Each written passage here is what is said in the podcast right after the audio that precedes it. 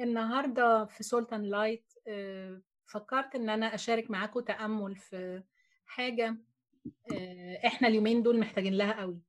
يعني كلنا في الظروف اللي إحنا فيها وقعدنا في البيت كلنا والوقت الطويل اللي إحنا بنقضيه آه، محتاجين إن إحنا فعلا نقضي وقت أكتر في القراية في الكتاب المقدس وفي الصلاة. فبمناسبة الصلاة كنا عايزين نعرف مع بعض إيه هي مواصفات الصلاة اللي فعلا ربنا بيستجيب ليها على طول؟ هل في الكتاب المقدس في أمثلة أو نماذج للصلوات ناس كده صلوا ربنا استجاب لهم؟ عندنا من الكتاب المقدس في شخصية ظهر وعدى علينا كده. ظهر ما نعرفش جه منين وراح فين. في وسط الإصحاح الرابع لسفر أخبار الأيام الأول. الشخصية ده اسمه يعبيس أكيد كلنا سمعنا عنه. هنلاقي إن في بداية الإصحاح الرابع بيبتدوا يتكلموا عن أنساب فلان ولد فلان وفلان ولد فلان وبعدين لغاية لما نيجي للآية تسعة هنلاقي بيقول لنا وكان يعبيس أشرف من إخوته وسمته أمه يعبيس قائلة لأني ولدته بحزن. هو حتى ما قالناش مين اسم أبوه. يعني هو اتنقل فجأة وكان يعبيس أشرف من إخوته فالشخصية دي واضح إن هو كان إنسان بيقول لنا أشرف من إخوته يعني كان إنسان محبوب أو إنسان كريم. الناس كانت بتحبه وبتحترمه أكتر من كل إخوته واسم يعبيس اللي أمه سمته له معناه بالعبري هو بالعبري اسمه يابتس. ومعناه بالعبري المسبب للأحزان أو صانع الأحزان. وهي أمه قالت إني لأني ولدت بحزن. يعني هي سمته الاسم ده لأن كان في حالة حزن في البيت. ما نعرفش بالظبط إيه سببها. لما اتولد كان في حالة حزن في البيت فهي أطلقت عليه الاسم ده.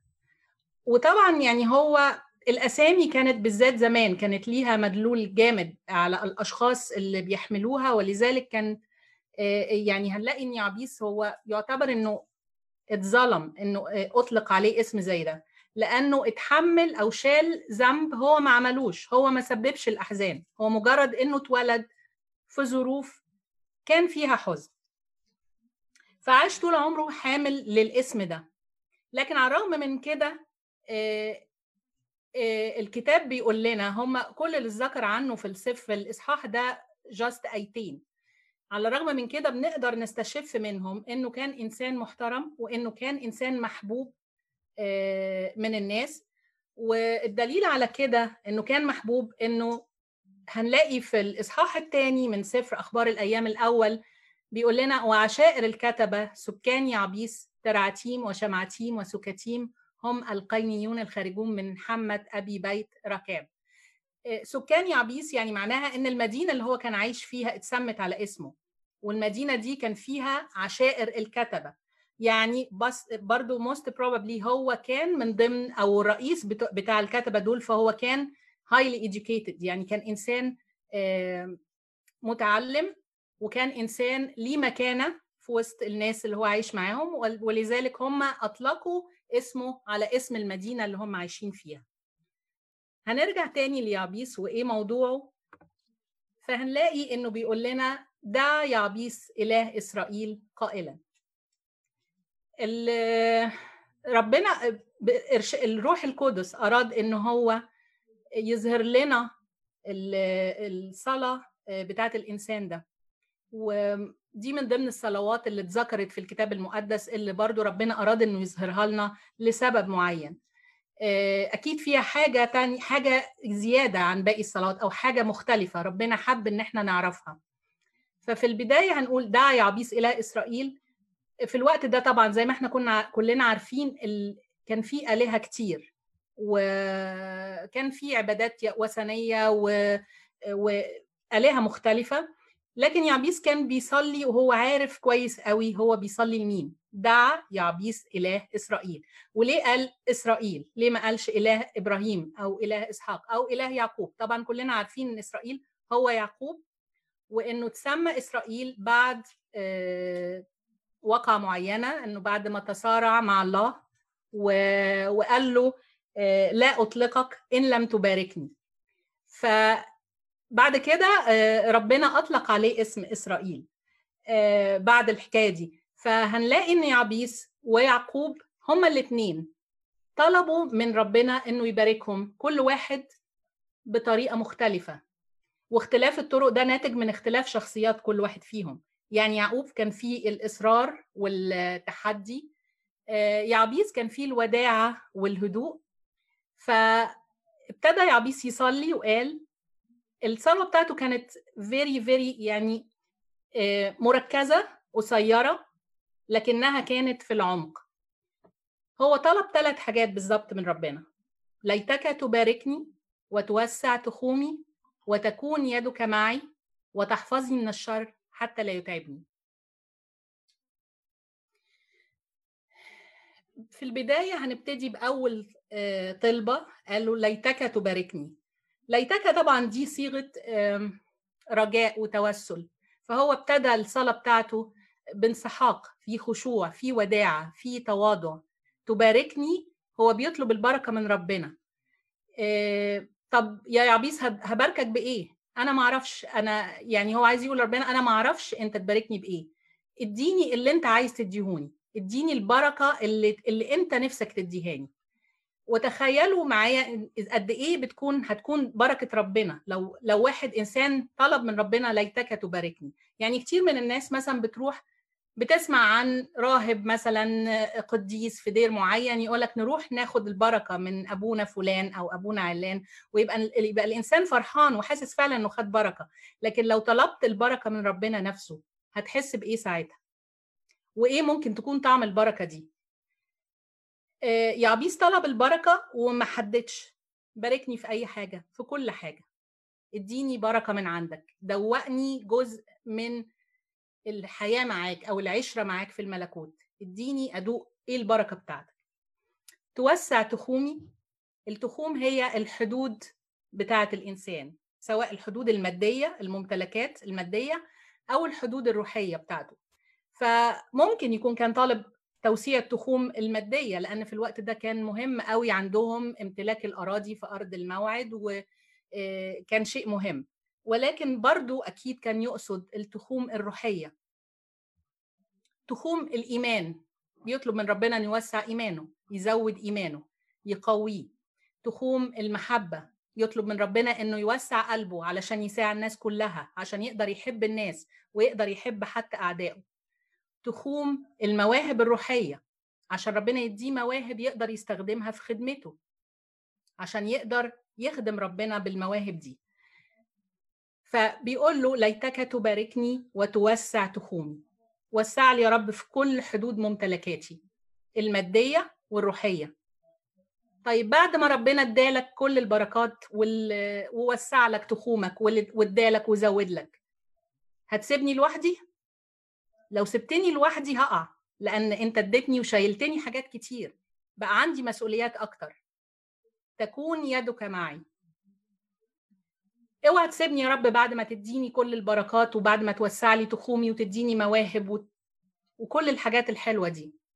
هفرح بيها في وقتها لكن لو إيدك مش معايا لو إيدك مش ظاهرة في حياتي وفي خدمتي مش هقدر أشيل كل ال... ال...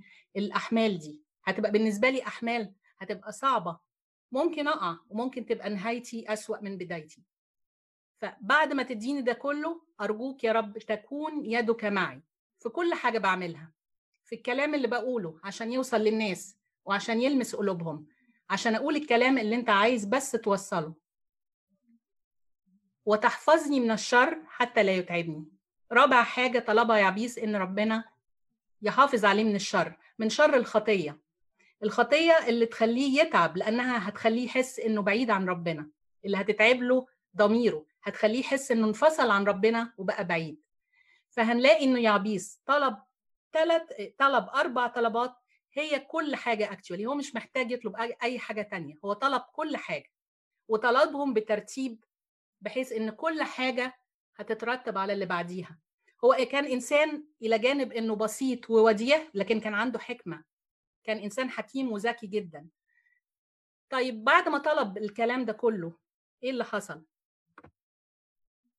فأتاه الله بما سأل. دي بقى الآية على فكرة. هو كده خلاص بس كده بكل بساطة أتاه الله بما سأل. كل ما سأل أكيد كل حاجة طلبها خدها. كل حاجة طلبها قالها يا عبيس في الجملة اللي هو قالها دي خدها. وهو طلب كل حاجة وربنا اداله كل حاجة. وكأن ربنا كان قاعد ومستني إنه يسمع إنسان يطلب الطلبة اللي هي فعلا حسب مشيئة ربنا وكانت الطلبة بتاعت يعبيس هي دي بالظبط الطلبات اللي ربنا نفسه إن إحنا نطلبها منه. هو نفسه إن إحنا نطلبها منه. هو عايز يديها لنا عايز يديها لنا كلها. مش عايز. يعني نفسه حد مننا يطلب طلبات حسب مشيئته. طلبات بتمهد لنا إن إحنا فعلا نروح الملكوت بتمهد لنا طريق الملكوت. إحنا يمكن كتير قوي بن عندنا حاجات تانية بنطلبها. هو مش عيب إن إحنا نطلب حاجات تانية بس بننسى الطلبات المهمة اللي ربنا عايز يسمعها مننا لأننا لو ما طلبناهاش مش هناخدها. هي عنده وعايز يديها لنا بس لازم نطلبها منه. وهو ده بالظبط اللي يعبيس عرف يعمله. هو كان إنسان ذكي وكأنه معاه الباسورد هو عارف إزاي يدخل للعمق. ويطلب الطلبة اللي ربنا يستجيب ليها في الحال. وبدل ما, بقى ما كان اسمه يعبيس أو صانع الحزن ربنا اداله إن هو يكون صانع الفرح أو صانع الأمل لكل إنسان يقرأ الصلوة بتاعته دي ويكون عنده رجاء إنه فعلا لو اتعلم إزاي يصلي وإزاي يطلب من ربنا إن فعلا ربنا هيستجيب لطلبه. آه طبعا الصلوة دي موجودة في الإنجيل ويمكن في ناس كانت ما سمعتش عنها كتير لغاية لما في من حوالي 20 سنة سنة 2000 في كاتب أمريكاني هو كاتب مسيحي اسمه بروس ويلكنسون عمل الكتاب the prayer of Jabez Jabez و يعني اتكلم فيه عن صلاة يعبيس وعمل تحدي للناس أو طلب منهم إنهم ياخدوا زي تدريب. انك كل يوم تصلي الصلاة دي بإيمان ومن قلبك لمدة شهر. وهو تحدى أو يعني قال لهم ما معناه عن تجربة إنك هتدرك كل يوم إن في حاجات بتتغير في حياتك وإنك أنت نفسك بتتغير. فيا ريت النهارده إن إحنا كلنا فعلا نبتدي نصلي الصلوة دي مع صلاتنا كل يوم وبإيمان مش مجرد إن إحنا بس بنكرر الآية. نصليها بإيمان وبتعمق في في معانيها وننتظر ونشوف إيه اللي هيتغير فعلا في حياتنا وإيه إحنا إزاي إحنا نفسنا هنبتدي نتغير وندرك إيه هي الحاجة اللي فعلا مهمة إن إحنا نطلبها من ربنا وإيه الحاجات اللي هي ملهاش أهمية كبيرة.